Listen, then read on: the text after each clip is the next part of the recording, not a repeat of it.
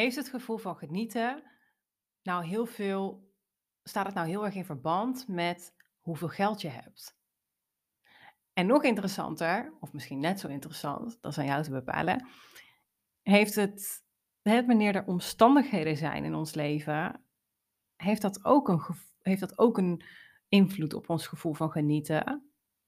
En als dat zo is, is dat dan ook per se nodig? Of zou er ook anders om, mee om kunnen gaan? Zou je ook op een andere manier naar zowel die omstandigheden als naar het genieten kunnen kijken? Zou je ook op een andere manier naar geld kunnen kijken, zodat het ook weer op een andere manier invloed heeft op jouw gevoel van genieten? Nou, voordat ik nog cryptischer word, ik ga lekker de podcast voor je instarten. Ik doe het niet alleen vandaag, want ik ga in gesprek met Maria Schoenmakers. Ik wens je onwijs veel luisterplezier. Helemaal aan het einde van de podcast liggen we nog helemaal in een deuk. Als je dat niet wil missen, zorg dan even dat je tot het einde blijft luisteren. En als je ons wil laten weten wat je ervan vond, dan waarderen we dat enorm. Dus dan kun je gewoon even een DM sturen via Instagram. Je weet de weg. Oké. Hey, voor nu heel veel luisterplezier. We are live. We are live. Maar goed, vertel. Ja, hoe het nu gaat. Ja, wat ik al zei, het voelt echt alsof de zon weer schijnt. Ik zit echt in zo'n opwaartse spiraal waarin opeens alles heel logisch voelt en heel kloppend loopt en heel uh, erg vanzelf lijkt te gaan. En ook heel erg in lijn met hoe ik me voel en hoe ik het wil. En dat is echt uh, ja, heel fijn. Ik zei letterlijk gisteren, oh, ik kan me dus ook gewoon echt heel goed voelen. Oh. En um, daar dan ook van genieten. En dan, ja, dan zeggen mensen natuurlijk van ja, dat is ook tijdelijk en het kan ook wel weer donker gaan voelen. En ik hou me daar rekening mee dat dat ook weer kan. Maar ik uh, spreek het dan ook gewoon even uit dat het ook gewoon even goed is. In plaats van, ah ja, gaat wel, maar nou, toch niet zo lekker. Of nou, kan beter. Weet je, je hoort het allemaal wel wat we allemaal zeggen tegen elkaar. Maar... Zeggen mensen dat echt, ja, tegen je? Ja, soms wel. Ja. Dat is echt, oh, dat vind ik echt wel kwalijk. Want wat dat wel is, is dat dat zegt Brene Brown, zegt dat, hè? bijvoorbeeld. Uh, de, de, de, de emotie die we het aller, aller, allerengst vinden, is uh, enjoyment, of the feeling of joy. Omdat, ja, stel je voor dat je daar iets te veel in hangt en dan klapt het alsnog in. Dan probeer je zelf soort van te beschermen. Van ja, als ik het niet te leuk vind, dan kan ik de klap als het minder gaat beter opvangen. Ja, oh mooi. Ja, en toen gaf ze een voorbeeld van uh, een man die 40 jaar getrouwd was en met zijn vrouw een auto-ongeluk kreeg en zijn vrouw overleed. En toen realiseerde hij pas van had ik al die momenten maar meer ja. in die joy gehangen. Ja. Ja, maar we zijn zo bang om joy te uiten. Het, eh, ik realiseerde me vorige week dat we altijd maar op zoek zijn naar die joy. we willen dat echt voelen en we willen dat kunnen leven en we willen het, het droomleven en nou ja, we, we willen. Maar als we dat eenmaal hebben, dan durven we dat niet altijd te delen, want één, mensen vinden daar misschien wat van. Mensen vinden daar ook wat van. Als je te vrolijk bent of te blij bent of te enthousiast, dan is er vast iets mis met je. Dan krijg je dat ook te horen. Oh, wat heb jij op? Of hoezo ben jij zo vrolijk? Ja. Ik denk dat we daar elkaar ook wel heel snel weer um, in terug kunnen duwen. Ja, zeker. En dan komt daar nog bovenop onze eigen gevoel van schaamte ook wel. Dat als je super blij bent en dus uh, eigenlijk heel erg ruimte inneemt, dat je bijna het gevoel hebt dat je daarmee de ruimte van een andere afpakt.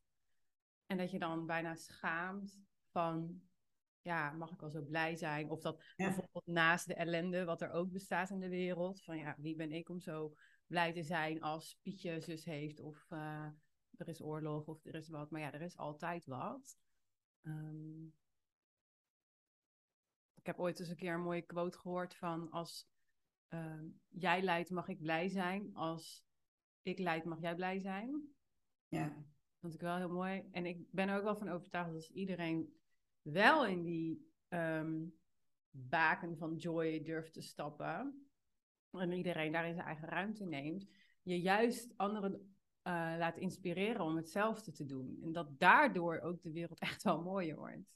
Nou ja, dat, dat geloof ik dus oprecht. Ja. Ik denk ook echt dat joy een aanstekelijk effect heeft. Ja. Als jij blij bent, als jij enthousiast bent, als jij plezier hebt, dan is de kans dat mensen met je meegaan in dat plezier ook aanwezig. Ja. Dat kan niemand schaden. Zelfs als die ander degene is die aan het lijden is, kan je iemand daar ook in upliften. Zeker. Ja. Klopt. En eigenlijk is het dus altijd dat gevecht tussen liefde en angst. Joy en angst. Want als je dat wel voelt en je uit het niet, dan is daar altijd een bron van angst die daar aan de grondslag ligt, waardoor je het dan niet uit. Waardoor je dus eigenlijk vanuit angst weer handelt. Ja, ja, en het is ook wel heel gevaarlijk om, om hier veel te veel en veel te diep over na te denken. En dat is wat heel veel mensen doen. Die zijn dan blij en dan gaan ze zich dus afvragen: oh, dit gaat goed, dat gaat goed, dit gaat goed. Oh, oh, nou dan zal er vandaag of morgen wel iets misgaan. Of omdat je het jezelf niet gunt, of omdat je je schaamt tegenover de rest, of whatever. Ja, of omdat het denkt... zo in elkaar zit, dat dingen ook gewoon misgaan. Ja, maar moet dat meteen ten koste gaan van je feeling of joy? Nou, uh, ja, kennelijk is dat dus wel het idee, hè? Dat als er dan iets misgaat, dat dan de joy ook opeens verdwenen is. En dat je het eigenlijk een soort van verkeerd gemanifesteerd hebt. Ja, maar ik vind dit dus echt toxic, want dat betekent dus eigenlijk dat de joy iets is wat gekoppeld is aan uh, je eigen waarde en gekoppeld is aan of je het verdient of niet. Ja. Terwijl ik geloof er veel meer in dat joy of genieten uh, meer een, een, een keuze is meer een, een houding ja. dan, dan dat je er. je hebt er sowieso recht op. je hoeft er niks voor te behalen. en ook als, als dingen gebeuren, als, als shit hits the fan, dat zijn omstandigheden. En natuurlijk ehm, heb je verdriet en al die andere emoties, woede, frustratie, die mogen er ook allemaal zijn. Maar dat wil niet meteen zeggen dat je niet meer ook daarnaast nog kan genieten. Ja, en als je dit zo zegt, hoe mooi is het als, als joy dus over het algemeen jouw basishouding is, die jou dus helpt om die mindere momenten van wat het ook is, van, van, van verdriet of van woede of van teleurstelling of whatever, irritatie, om die te kunnen dragen in plaats van dat het andersom is. Ja. Ja. En dat is echt oefenen. Het is echt, echt oefenen, oefenen, oefenen, oefenen. En wat er ook gewoon gebeurt, is dat uh, nog een keer dat thema van, um, van ja, alles gaat eigenlijk goed. Wat als? Of als mensen dus tegen jou zeggen van nou, leuk dat je nu blij bent, maar wees voorzichtig, want uh, ellende ligt op de loer. ja, ik blijf het fantastisch prachtig vinden. Niet dus, dat mensen dat... Dat, dat zegt ze heel erg over hun eigen angst voor ellende. Um, of de, eigenlijk de angst dat ze het zelf niet kunnen dragen. Maar wat er eigenlijk gebeurt is dat je dus een vergelijking trekt met het nu ten opzichte van de toekomst. Ja. En dan, je gaat dus per direct al uit het nu. En omdat je het vergelijkt met een concept in de toekomst, van straks in de toekomst zal het wel weer misgaan, maak je meteen de ervaring van het nu eigenlijk al stuk. Ja, ja en daardoor is het dus ook heel ehm, ja, wordt joy voelen ook hard werken. Dan wordt het bijna een soort van doel om dat gevoel te voelen en vast te houden, omdat het dus constant, ehm, als je dat toelaat, in twijfel kan worden getrokken. En je dus constant weer die terugtrekkende beweging kan maken van, oh ja, nee, ja, misschien moet ik dan niet zo blij zijn. Oh, misschien moet ik dan inderdaad niet zo, uh, misschien moet ik dan inderdaad even wat uh, verstandiger zijn. of minder happy, of het niet jinxen, of whatever. Ja. Ja, het is echt een super grote mindfuck. Ja. Ja. Dus dat is hoe het met mij gaat op dit moment. hoe gaat het met jou? Ja, het gaat ook goed. Ehm, ik word super hard getest om joy te blijven ervaren op dit moment. Omdat ik natuurlijk, wat ik net ook al zei, uh, ja, een knieblessure heb, waardoor ik niet kan dansen. Ehm, waar ik natuurlijk enorm veel joy uit haal. Ehm, en dat kan nu niet. Dus, uh, dus ik word getest om wel joy te blijven ervaren. Terwijl iets wat voor mij heel belangrijk is en mij heel veel joy oplevert, nu niet gedaan kan worden. En dat gaat met ups en downs. Er zijn momenten dat ik heel veel frustratie voel. En dat is ook oké. En er zijn momenten dat ik inderdaad echt van andere dingen kan genieten. En dat ik denk van, nou oh ja, oké, interessant. Mhm. Niet alles hangt van het dansen af. Mm. Ook good to know. Ja.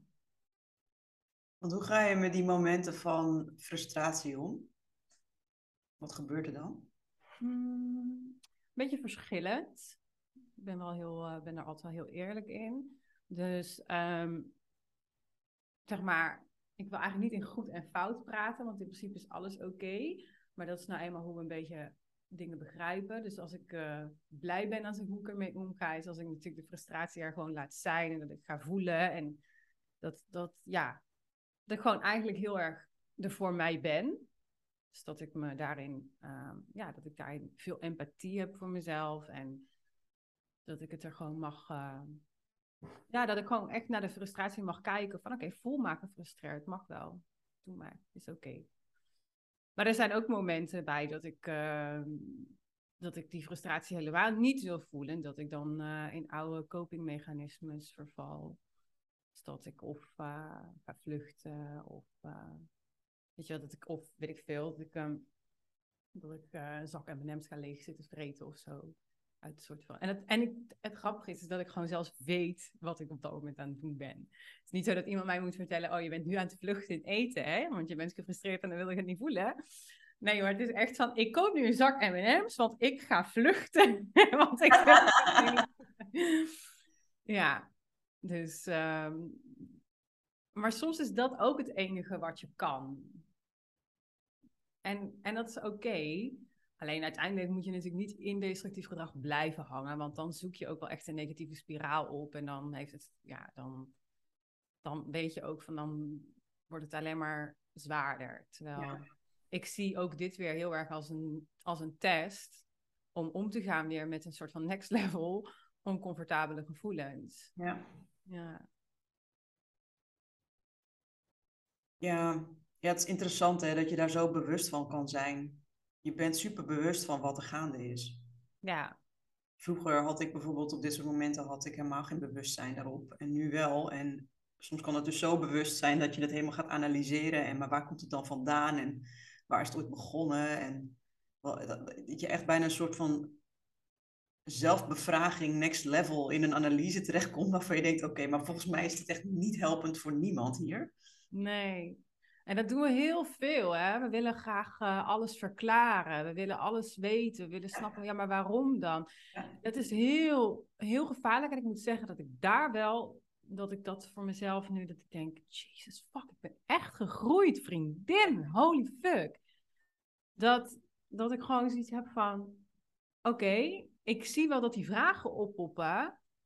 Maar ik doe meteen zo van, ja, wat er ook uitkomt, het is just another story. Het is maar weer een verhaal. Uh, en het verhaal, kan, weet je wel, maybe it makes sense, maybe it doesn't, maar het blijft maar een verhaal. Dus wat er gewoon veel gebeurt is dat mensen aan het verhaal gaan vastklampen en zich zo helemaal gaan identificeren, identificeren met het probleem waarvan ze denken dat ze het gevonden hebben. Maar het gevaar daarvan is, is dat je dus dan gaat geloven dat je dus echt stuk bent. Daar komt het eigenlijk eindelijk weer op neer. Want of het nou een fysieke mankement is of een mentaal mankement, uh, whatever. Alleen al door het een mankement te noemen, ga je al geloven van uh, ik ben stuk of ik heb iets niet goed gedaan. Ik ben zelf, vroeger was ik heel erg geneigd om, um, als ik iets, als ik een fysieke klacht had, om meteen te denken van, uh, dat, is wel men, dat, dat is iets mentaals. Nou, daar geloof ik nog steeds in. Ik geloof nog steeds dat elk pijntje in je lichaam um, wel uit een wat ja, psychische oorzaak of zo mm teweeg komt. Maar het gevaar om te zeggen van oké, ehm, ik weet dat het mentaal is, is om meteen gelijk de conclusie te trekken. Dus ik doe het niet goed. Wat heb ik niet goed gedaan? Waar zit de fout? Waar ben ik fout? Waar, waar ben ik stuk? Oh, ik moet een healing. Ik moet dit, ik moet dat, ik moet dus, ik moet zo, ik moet dat. Ja, wat dus echt hilarisch is, want stel jij struikelt en je valt op je knieën en je hebt een wondje dan ga je ook niet die hele zelfanalyse in van, oh jeetje, wat heb ik misdaan? Oh, nou, misschien denk je wel van, oké, het was onhandig om hier overheen te struikelen. Maar in principe maak je die wond even schoon, plak je er een pleister op en geneest het zich vervolgens vanzelf. Ja. En, en zeker als het gaat om mentale processen. Ik denk dat we makkelijker daaraan toe kunnen geven als er iets fysiek is. Oké, daar gaat natuurlijk ook een heel mentaal proces aan vooraf of uh, achteraf uh, aan uh, als gevolg ik denk dat zeker mentale processen, joh, je blijft op een gegeven moment echt hetzelfde cirkeltje maken. En dus ook doen wat niet helpend is. Want door dat verhaal constant te voeden of te analyseren, doe je dus precies, ben je er dus nog steeds van aan het weggaan. Terwijl eigenlijk, ja, precies. ik denk de oplossing is op zo'n moment, is er dus gewoon mee zijn. Ja. Is het omarmen, is het letterlijk, soms zie ik het echt als een kindje in mijn armen voor me, het gewoon wat liefde geven. Ehm, en wat warmte geven, zodat het getroost wordt. Soms is dat ook gewoon wat we onszelf mogen geven, een beetje troost. Ja. In plaats van oordeel en uitzoeken en een, en een preek en ook nog eens een keer bestraffen en boos ja. Dat we ja, plus door heel erg gaan zoeken van, oh, ik ga dit en dat. En niet dat je dingen niet mag uitproberen. Ik bedoel, ik probeer ook uh, nu met mijn uh, knieblessure, ga ik ook naar een dokter en ik ga ook naar een fysiotherapeut en ik laat een echo maken. En een vriendin van mij die, um, bood een uh, Touch of Matrix sessie aan, iets, iets super spiritueels.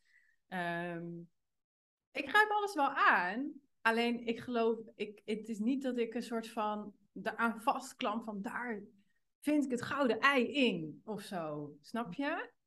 Ja. Ik probeer wel verschillende dingen, maar ik weet ook zoals, zo van, van ja, gewoon accepteren dat het er ook gewoon is, is, is ook wel gewoon de, de bedoeling. En als je alleen maar gaat zoeken naar alleen maar uh, hoe krijg ik het opgelost, hoe krijg ik het opgelost, hoe krijg ik het opgelost. Natuurlijk is dat heel logisch als je iets hebt, of het nou uh, ja, mentaal is of, of uh, fysiek. En fysiek is denk ik dus ook nog steeds wel vaak mentaal. Maar um, als je dat, um, als je blijft, blijft zoeken, dan, dan um, zit even te denken, wat zou ik zeggen? Ja, dan geloof je dus heel erg sterk dat de oplossing niet in jouzelf zit. En dan daarmee eigenlijk dat er dus meteen echt, dat er dus iets ontbreekt in jou of iets niet. Ja, dus dat je niet heel bent en dat je iets nodig hebt en dat je het niet zelf kan. En dat je dus eigenlijk diep in de overtuiging ook gewoon dus niet goed genoeg bent. Precies. En daarom werken ook heel veel dingen bij heel veel mensen niet. Ik had laatst een gesprek met iemand en die zei van ja, ik heb zoveel uh, coaching gehad. Ik heb zoveel geïnvesteerd in therapeuten, in healers, in um, psychologen. Nou, gewoon zeg maar het hele ABC'tje van, uh, van, uh, van die hoek. Maar niks werkt. Maar dat komt omdat je uiteindelijk, ook al, ook al ga, het is niet dat je het allemaal alleen hoeft te doen. Je mag best hulp inschakelen. Maar uiteindelijk um, moet je het wel zelf doen. Dus uiteindelijk is hulp is meer een, een, een, een drager of een, ja, hoe moet ik dat zeggen? Een soort van een methode, een aanreik, een handaanreiking, maar jij zelf moet het wel doen. Ja, ja, en, en niet alleen doen en één keer doen en dan daarna zeggen, oh het werkt niet of het heeft me niet geholpen. Maar ook gewoon blijvend en um, herhalend integreren in je leven. Ja. Hmm. Hey, um, en die joy dan? Als het even anders is dan dat het uh, normaal gesproken zou zijn, waar haal jij dan die vervulling en die joy vandaan? Ja, uit gewoon van alles. Echt gewoon kleine dingen. Ik, sterker nog, het hoeft niet echt iets te zijn dat ik iets moet doen om joy te voelen. Het kan ook gewoon. Het is meer een houding. Het is meer een houding van.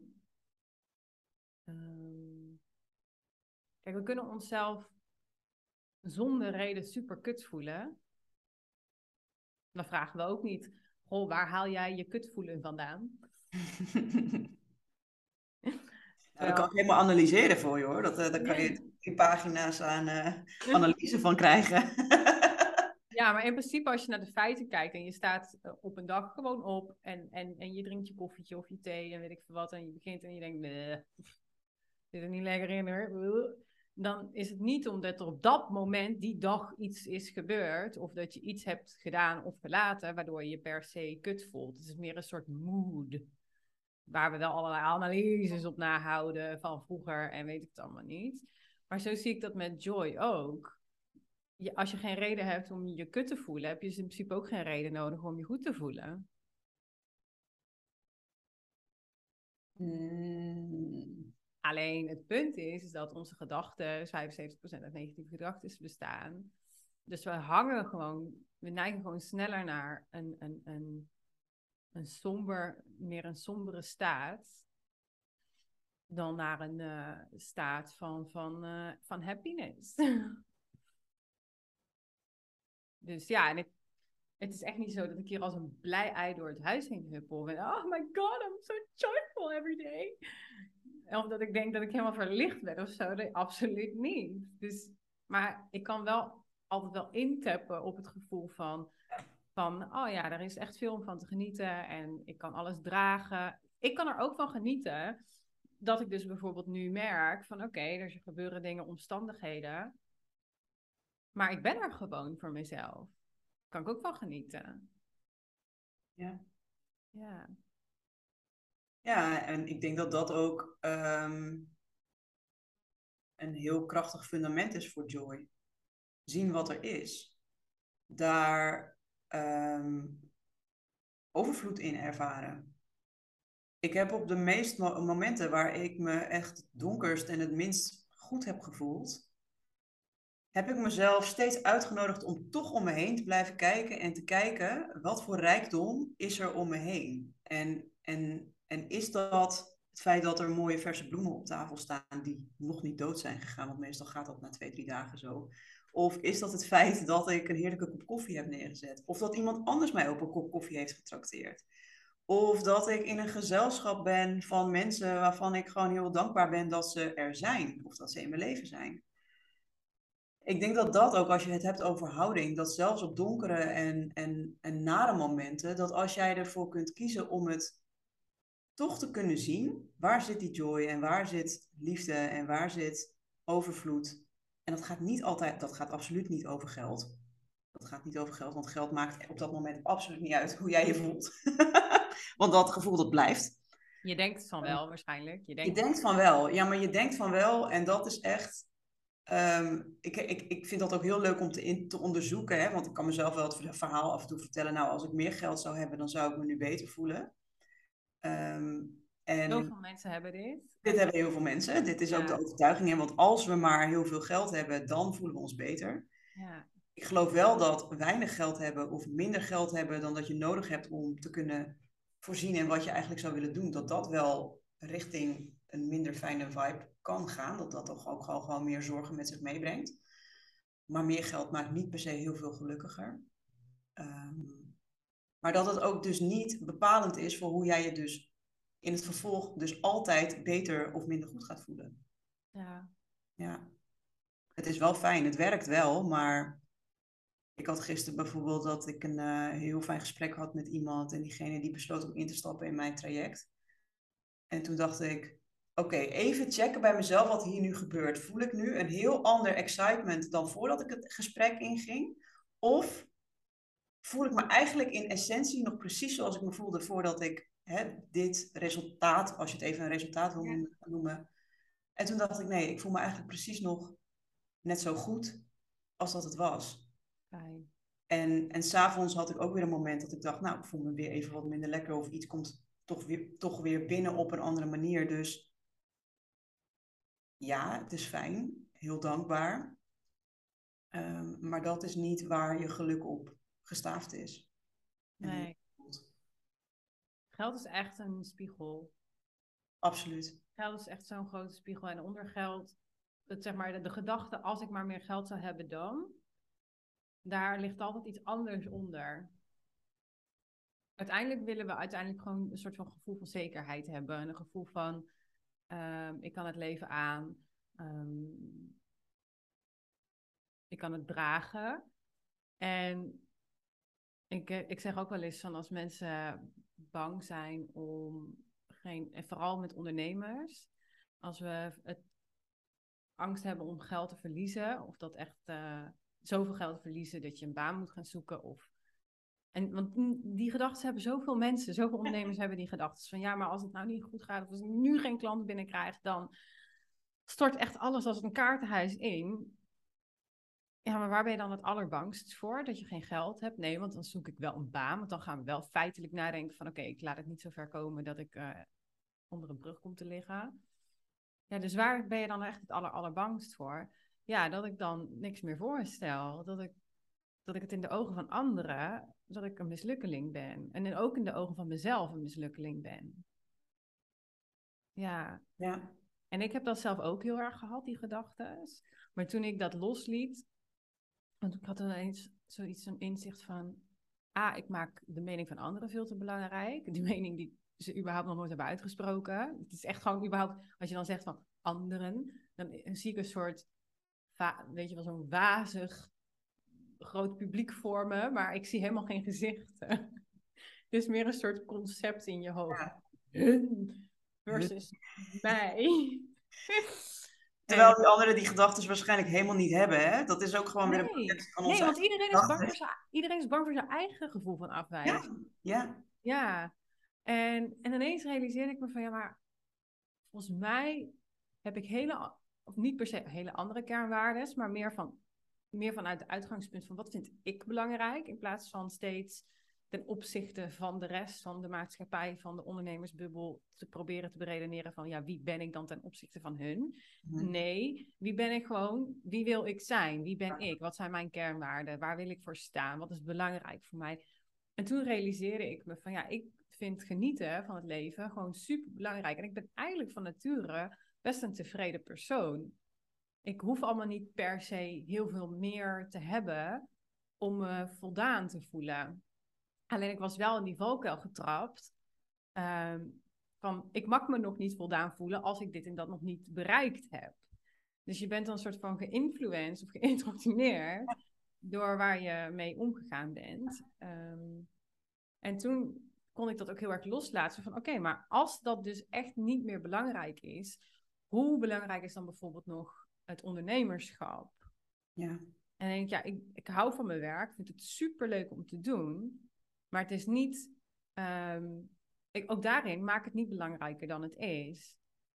Want als geld gewoon overal vandaan te halen valt en ik kan mezelf gewoon dragen in alles, dan, dan kan het ook op andere manieren. Dan zijn er nog zoveel andere manieren. En toen realiseerde ik me eens van, ja. zo voelt het dus als geld geen rol meer speelt. En dan kun je echt authentiek gaan kiezen van wat wil ik nou eigenlijk echt doen met mijn leven. En toen koos ik alsnog wel voor het ondernemerschap. En weer opnieuw en elke dag weer opnieuw. Ja, en wel vanuit een heel andere Een andere energie. Ja. Ja.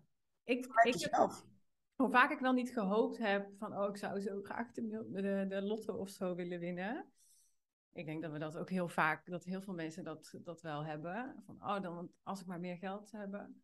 En eens kon ik gewoon voelen ja, maar dan heb ik gewoon precies dezelfde problemen. Want dan weet ik nog niet wat ik wil. Precies. Dan, sterker nog, mijn problemen zouden alleen maar groter worden. Want ik zou geen reden meer hebben om van dit destructieve gedrag af te hoeven komen. Het gebrek aan geld, conceptueel, want echt een gebrek aan geld heb ik nooit gehad, maar dat, dat concept in mijn hoofd daagt me ook uit om te blijven zoeken en te blijven nadenken over wat is belangrijk voor mij. Ja. En toen ik daarachter kwam, was geld ineens helemaal geen probleem meer. Toen voelde ik me ook echt miljonair. Ja, dat dus. Ja. Ja, maar dat dus. Hè? Kun je jezelf miljonair voelen, rijk, overvloedig? Ja. En is dat dan losgekoppeld van geld? En als dat zo is, dan heb je gewonnen. Ja. Dat is waar de essentie van overvloed en rijkdom eigenlijk zit. Ja. En dan kun je ook echt onthecht zijn. En dan is geld fijn. Dan, is, dan, dan dient geld als middel om dingen voor elkaar te krijgen of om dingen op te lossen of om ja, je leven in te richten en te financieren eigenlijk. Maar dan is het geen voorwaarde meer om te zijn wie je bent, dan identificeert het je niet meer. En dan is het ook geen voorwaarde voor geluk of een voorwaarde voor joy. En inderdaad, geld is overal. En het heeft me echt, ja, ik heb het ook echt moeten kunnen zien dat het overal is. Vanuit die onthechtheid, dat het uit een bepaalde vorm moet komen. Want als je, als je echt overal geld kan zien, en al is het zo dat je zegt, joh, weet je, ik, uh, ik stop met ondernemerschap en ik ga ergens in loondienst, of ik, ik win de lotto, of ik, maakt niet uit welke vorm, of uh, ik ver, verhuur mijn huis en ik, ik, ik ga gewoon lekker bij iemand anders wonen. Als je overal geld kan zien, dan is het overal. En dan is er dus ook altijd een oplossing voor je financiële angsten eigenlijk, want dat is eigenlijk wat het is. Klopt, klopt. En zo werkt het ook. Maar het blijft gewoon zo interessant om te kijken waar is het voor jou, um, als mensen hier naar luisteren, waarvoor staat die geldzorgen bij jou? Ja. Waarvoor staat, welke, welke spiegel geeft het je? Ja. Ja, wat zijn die zorgen ook eigenlijk precies? Kun je echt uitschrijven voor jezelf van waar ben ik nou echt precies bang voor? Ja, en dan kun je jezelf vervolgens de vraag stellen, is dit echt waar? Want dat is het 9 van de 10. Nou, dat is het eigenlijk nooit. Het is, het is nooit waar. En het, is heel... het kan zo als waarheid voelen. Ja, oh ja. Het kan heel waar voelen. Um, en uh, daarom is het ook echt van, is het echt waar? Weet je 100% zeker dat het waar is? Um, dat zijn die vragen van uh, Katie Byron. Uh, dat zijn er vier. Die andere twee, drie, moet je maar even opzoeken. Wie zou je zijn zonder die gedachten? Oh ja, die ja. Ja, dat ook. Dat is trouwens ook. Hè, van, het, is maar een, het is maar een gedachte, het is maar een verhaal. Dat, um, dat helpt mij ook heel erg in, ja, eigenlijk in alles. Wat er, ik vind het zelfs soms wel spannend om te zeggen hoor, van je geld. Heel veel mensen hebben veel meer een, een, een, een uh, mentaal, financieel mentaal probleem dan dat ze daadwerkelijk een geldprobleem hebben. Ja. En ik ben best wel recht door zee, hè, van uh, als ik zeg van uh, ja, je hebt geen geldprobleem. Natuurlijk vind ik het soms wel spannend om te zeggen, want obviously zijn er mensen met geldproblemen op de wereld. Dus het geldt in zekere zin niet voor iedereen, maar als ik het heb over de doelgroep ondernemers, de doelgroep um, die in principe geld kan maken, uh, die in principe qualified genoeg is om morgen een baan te krijgen. Als ik over die groep zeg ik, je hebt je hebt gewoon geen geldprobleem. Je hebt een financieel mentaal probleem. En daar ligt altijd een, een verhaal onder die niet klopt. Ja. En daar ga je van weg door te blijven geloven dat geld het probleem is. Ja. Ja, precies. Dus je hebt dat onderliggende probleem aan te pakken. En dat gaat je ook niet helpen. Althans, het helpt niet altijd, want dat wordt dan heel veel gezegd. Oh, verander dan je verhaal, dan verandert je realiteit. Wat grotendeels ook gewoon waar is. Hmm. Alleen soms ben je niet in de gelegenheid om dat verhaal te veranderen, omdat er te veel intern gaande is en je dus echt gelooft en voelt dat dat verhaal waarheid is. En daar wordt denk ik ook wel heel erg makkelijk aan, over, aan, aan voorbij gegaan. Van oh ja, nou, verander je verhaal, dus dan verandert je realiteit, dus dan verandert je toekomst en dan komt altijd alles goed. Ja, het is natuurlijk geen, uh, geen magie of zo. Um, en, en, en, en ik noem het net ook wel probleem en, en verhaal. En, maar uiteindelijk is er 9 van de 10 keer gewoon helemaal niks aan de hand.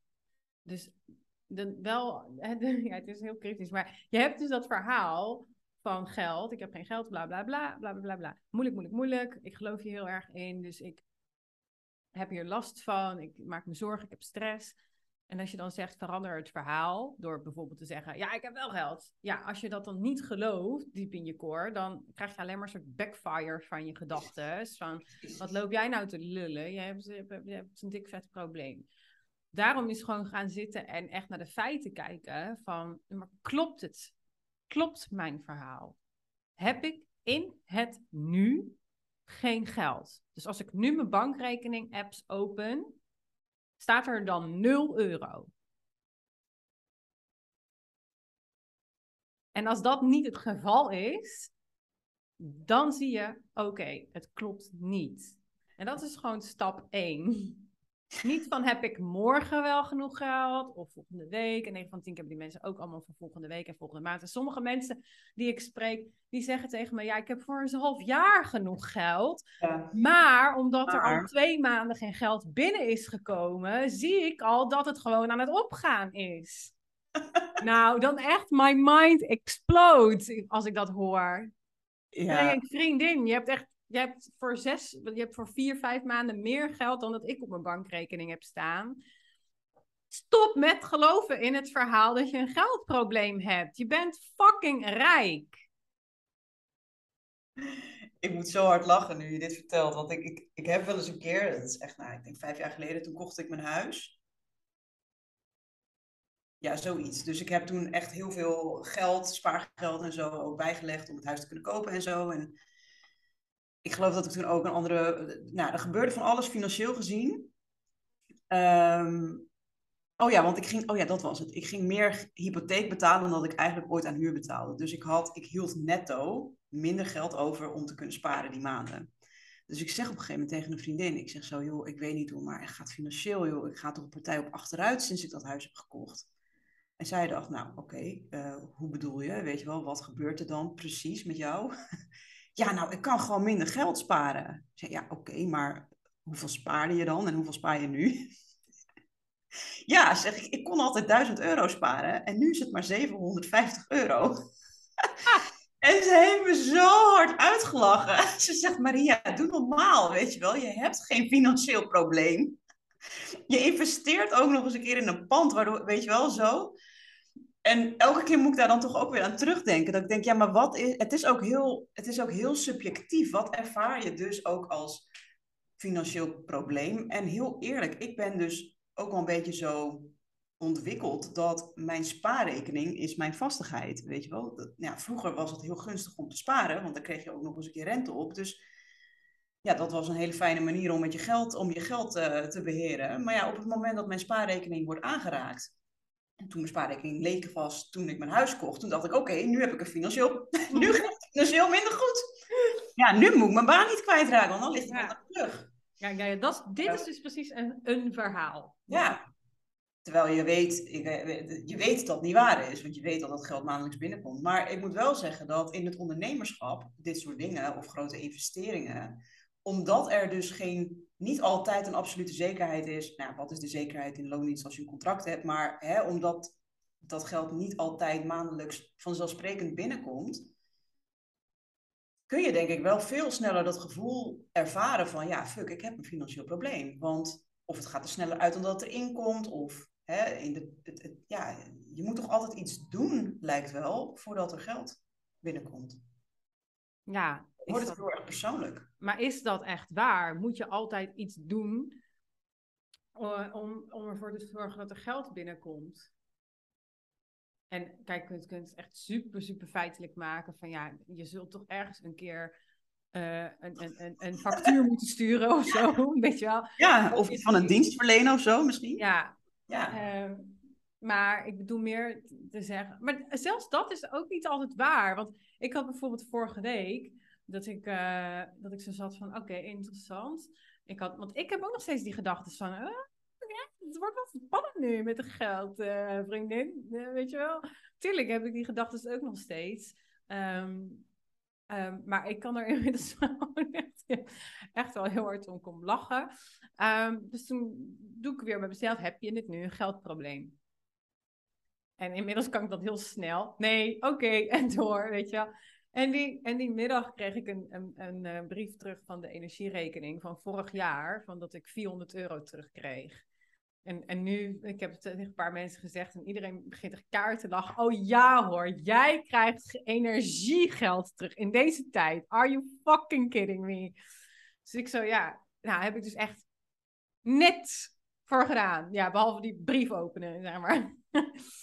maar en gewoon heel erg goed met je energie omgaan. En gewoon blijkbaar heel goed met mijn energie omgaan. Terwijl het is echt niet zo dat ik uh, daarin een, een, een, heilig boontje ben. Helemaal niet.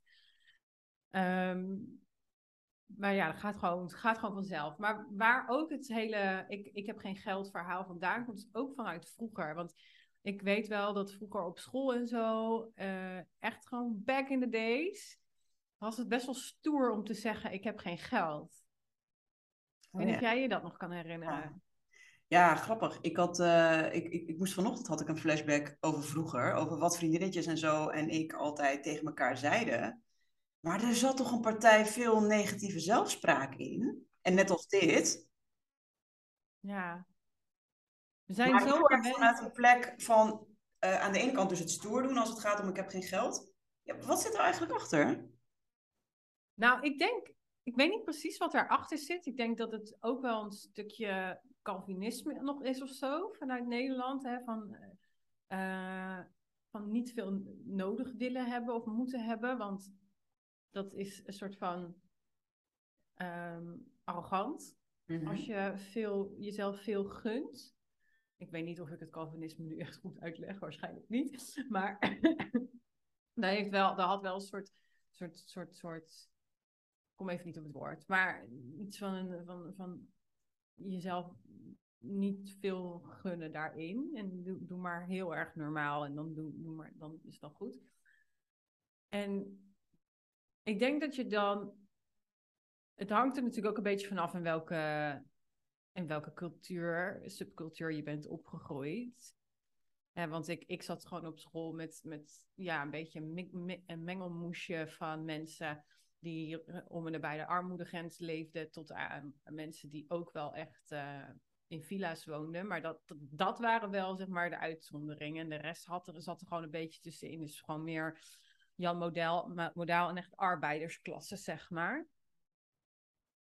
Kijk, als jij uh, op een privéschool hebt gezeten of je hebt, uh, bent een expat geweest of zo, dan zul je een compleet andere ervaring hebben, geloof ik. Absoluut zeker. Dus ja, wat zit erachter? Ik weet het niet, maar ik weet wel dat als je uh, heel erg geoefend hebt met geen geld hebben, is een soort van cool. Of in elk geval een soort van standaard om te zeggen. Ja, ik kan nu niet, weet je, later ook. Ja, ik kan nu niet, nu niet gaan lunchen, want ik heb geen geld. Het, niemand schaamde zich daarvoor om dat te zeggen. Wat eigenlijk ergens een soort van ook goed is, maar tegelijkertijd hou je ook het hele idee van, van ik ben arm of zo in stand, terwijl ja. het niet is. En het is vaak ook helemaal geen waarheid, hè? Want dit is natuurlijk ook bij mezelf. Soms denk ik, wow, dat is duur. Echt iets van 15 euro of zo. Of als ik bijvoorbeeld met de trein ergens naartoe moet en dan ga ik me opeens ga ik er weer stilstaan wat een treinreis kost. Ja, maar dat heeft gewoon te maken. Ja, maar dat heeft gewoon te maken met wat je iets zelf waard vindt. Maar dat is het. Hè? En, en, en vind ik het dus de moeite waard? En heel vaak als ik over geld ga nadenken, of als ik dingen doe als dat vind ik te duur, en ik zeg dat niet eens, maar daardoor verbuig ik dat altijd. Want ja, duur is relatief. Voor iedereen is duur iets anders. Voor de een is 15 euro voor een trein niet te betalen. Maar heel eerlijk, ik betaal ook gewoon 500 euro aan een ticket. En dat vind ik dan niet. Niet duur. Het is ook relatief in de situatie en wat het je dan ook gaat brengen. Ja. Um, maar wat ik dus probeer te doen is te vertalen van oké, ik heb het geld er op dit moment niet voor over. Of ik heb de tijd er niet voor over. Of ik vind het ook gewoon niet de moeite waard om ergens naartoe te gaan. Want dat is dan eigenlijk de echte reden waarom ik zeg, ik vind het te duur. Ja, dat klopt. Ja. En, en dat is ook van, ja, maar waarom zeg je dan dat iets, hè, maar ook op, op heel veel gebieden. Omdat het maatschappelijk veel meer geaccepteerd is om te zeggen, ik vind iets te duur, dan om te zeggen, ik heb gewoon geen zin om naar jou toe te komen vandaag. Ja, maar ik heb dus echt liever dat laatste, want dan weet je tenminste waar je aan toe bent. Ja, en heel eerlijk, ik zeg dat ook steeds duidelijker. Oké, misschien niet op die manier, maar... Nee. Wel, nee, maar echt oprecht. Ja. Er zei iemand van, hey, oh, uh, zullen we afspreken? eh, nou, laten we dat en dat en dat wel gaan doen. En inderdaad, meteen een kaartje kopen vind ik te duur. Maar ik dacht, nee, ik vind het gewoon helemaal niet leuk om naar een museum te gaan. Ik word daar gewoon niet enthousiast van. Dus vind ik het ook mijn geld niet waard. Maar ik zou prima drie keer zoveel geld uitgeven om, weet ik veel, naar Walibi te gaan. Want dat zou ik dan wel leuk vinden om te doen. Ja, precies. Dus het gaat niet, weet je, het is soms ook gewoon, wat is iets je waard? En, Ja. en daar ook over communiceren. En waar zit jouw ja en waar zit jouw nee? En ja, ik vind dat altijd veel, veel interessant. heb je veel fijnere gesprekken. En krijg je ook sneller wat je nodig hebt. Ja, klopt. Ja, geld is altijd een boodschapper, kunnen we wel zeggen. Geld is een boodschapper. Ja, het zit vol met boodschappen. Hmm, kan je ook boodschappen mee doen overigens. Je kunt ook boodschappen mee doen. Over wat is duur geworden tegenwoordig. Oh. Ja, maar dat is ook, hè. oh, Het is ook, en dat vond ik ook. ehm, op, moment dat ik, op momenten dat ik niet heel lekker in mijn, in, in mijn vel zit, of niet in mijn energie of in mezelf zorg. En ik wil ook geen geld meer aan mezelf uitgeven. Of ik vind dus ook, oh, nou, inflatie, boodschappen zijn te duur. Nou, dan ga ik maar goedkope boodschappen doen, want ik heb een geldprobleem. Ik weet niet, ik kan dat soort dingen echt wel aan mezelf eh, verkopen. Ja, Oh, wacht eens even, maar wat is hier nou het probleem? Heb ik daadwerkelijk geen geld? Nee, er staat gewoon geld op de rekening. Waarom maak ik hier dan een probleem van, van die inflatie? Opeens op mijn boodschappen, omdat ik eh, voor een pak sojamelk in plaats van 80 cent 90 cent moet betalen. Nee, daar zit gewoon iets anders onder, namelijk dat ik het mezelf op dit moment niet gun om geld aan uit te geven. Daar zit een zelfbeeldprobleem onder. En als mooi. je dat ziet en dat kunt eh denken, oh ja, oh, oké, dus ik vind mezelf even de moeite niet waard. Nou, is niet heel lekker hè Marie? Nee. Wat kunnen we nu doen om Hele jou... dure boodschappen kopen. Nee. Maar oprecht, dan ga ik dus ehm, mezelf datgene geven wat ik mezelf niet gun. Ja, En dan loop ik nog letterlijk die supermarkt uit en dan loop ik naar de overkant, naar de sushi point en dan ga ik sushi halen. Dan ga ik ook echt overdrijven en mezelf precies dat geven waar ik het allermeeste zin in heb, om dat weer in mezelf eh, te herstellen. ja, Ja, dat is gewoon ook, dat is het, dat is ook, ja, dan, dat is ook het spel. Het is altijd ook echt gekoppeld aan, wat vind je jezelf waard? En vind je het ook, ja, welk verhaal wil je jezelf daarin vertellen en geloven en eh, ervaren? ja. Klopt. Mijn kat komt ondertussen binnen. Maar Ja. ik... eh, ja, nee, nog niet. Ja, nee, dat klopt. Eh, het is wel ook daarin eh, vanuit de juiste intentie dat je ehm, niet die backfire krijgt van, oh, nu heb ik ook nog eens al dat geld uitgegeven. En dan denk ik, Ja. oh. Weet je, het moet wel echt vanuit de juiste intentie zijn van, oké, ik ga het mezelf nu echt even gunnen. Ja. Ja, ik vind het dus ook heel mooi dat jouw kat nu binnenloopt, want dat doet me ook weer denken aan iets anders waar ik dan wel eens aan denk. Ik zie soms wel eens ook op, om me heen, of nou niet per se om me heen, maar je ziet wel eens op televisie, nou kijk maar eigenlijk nooit televisie, maar goed, anyway. Vroeger had je wel eens, toen ik televisie keek van die programma's, waarin mensen echt met 20 euro in de week moesten rondkomen. En dan hebben ze een huis vol met huisdieren. En dan denk ik, wauw, je hebt zelf bijna geen geld hè, oprecht gewoon echt heel weinig budget te besteden. Je kan geen leuke dingen doen, maar je hebt wel echt een kudde aan dieren waar je gewoon eten voor koopt. Waar je onderhoud in voorziet, kattengrind koopt, eh, hondenzakjes. Ik weet allemaal niet wat je allemaal nodig hebt. Dierenarts. Dierenarts. En dan denk ik soms, ook dan is er dus een oplossing. Ja, En dan denk ik, we moeten met z'n allen ook gewoon maar niet al te veel... eh, we moeten vooral voor onszelf blijven zorgen. Ik denk dat dat uiteindelijk de boodschap is. Ja zelfliefde is gewoon eh, de, de, ja, het antwoord voor alles of zo. Dat is het antwoord voor alles. Ja. Want nu hebben we een auto, eh, auto-reply. Ja, Alle vragen kunnen worden beantwoord met zelfliefde. ja, maar zelfliefde is het allermoeilijkste wat er is, want we hebben Ja. het nooit geleerd. Nee, We hebben het gewoon nooit geleerd. niet altijd. En het is ook iets wat, wat echt... ehm, ja, wat is zelfliefde echt, hè? Daar kunnen we een hele podcast over opnemen. Ja, nou, in het kort staat voor mij zelfliefde eigenlijk voor één vraag. En dat is, wat is nu voor mij constructief om te doen? Hmm. Mooi.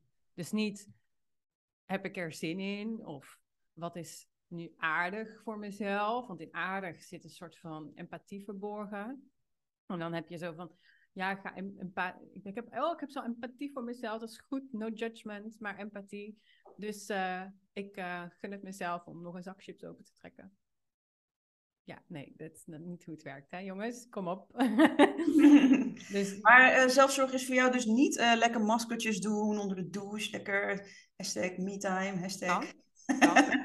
ja, kan. Ja, Ja, als, dat, als dat het constructief is om te doen Ja. op dat moment, dan is dat het antwoord. Maar op het moment, als ik aan mezelf vraag, wat is nu constructief om te doen? En, en ik zie van, ja, ik moet, eh, weet ik veel, de BTW-aangifte gaan doen, want eh, het is twee voor twaalf om dat in te leveren. Ja. Dat bijvoorbeeld, hè, dat het echt het laatste moment is waarop dat kan. Ja, dan is eh, lekker gaan douchen en maskersjes doen en weet ik veel wat, is super destructief op dat moment. Want dan haal ik, dan, dan, ja, dan breng ik mezelf weer in de shit en zo met die eh, BTW-aangifte. Ja. Dus het, daarom zeg ik van ja, constructief, dat, dat, daar kom je niet onder uit, daar kun je jezelf niet mee saboteren. Nee, dat is een mooie. Tenminste, veel moeilijker. Alles kan. Je, je mind is super mani- manipulatief. Dus als je echt wil, kun je jezelf en alles kapot manipuleren. Maar als je echt eerlijk naar jezelf bent en kijkt ook van, nou, oké, vanuit je kernwaarden, wat is nu het constructieve om te doen? Dus niet van, hoe voel ik me? Want gevoel is, eh, ja, we zeggen wel vaak, we doen dingen vanuit gevoel, dat is goed. Klopt, maar gevoel is ook dubbel interpretabel. Op het moment dat eh, zelfsabotage aan het roer zit, dan is je gevoel echt niet betrouwbaar. Precies, weet je, gevoel kan ook zijn ik durf niet, of ik heb geen zin, of eh, whatever. Dus dan is gevoel gewoon niet echt de juiste graadmeter. Eens. Dan ga je alleen maar op korte termijn plezier afsteven en krijg je alleen maar dopamine shots en wat heel, heel lekker is, maar niet, niet, gewoon compleet niet duurzaam. Eens. Eens, eens, eens. En zo kunnen we inderdaad nog een hele podcast vullen. Precies. Was echt wel een tof gesprek. Ja, vond ik ook. Super diep wel. Ja, denk ik. ja. Veel, eh, veel aangeraakt. Maar ook wel mooi. En ik hou van superdiep. ja, ja, goed. Ja, soms kan Oh, ik dat- sorry hoor, mijn dirty mind gaat nu echt alle kanten op.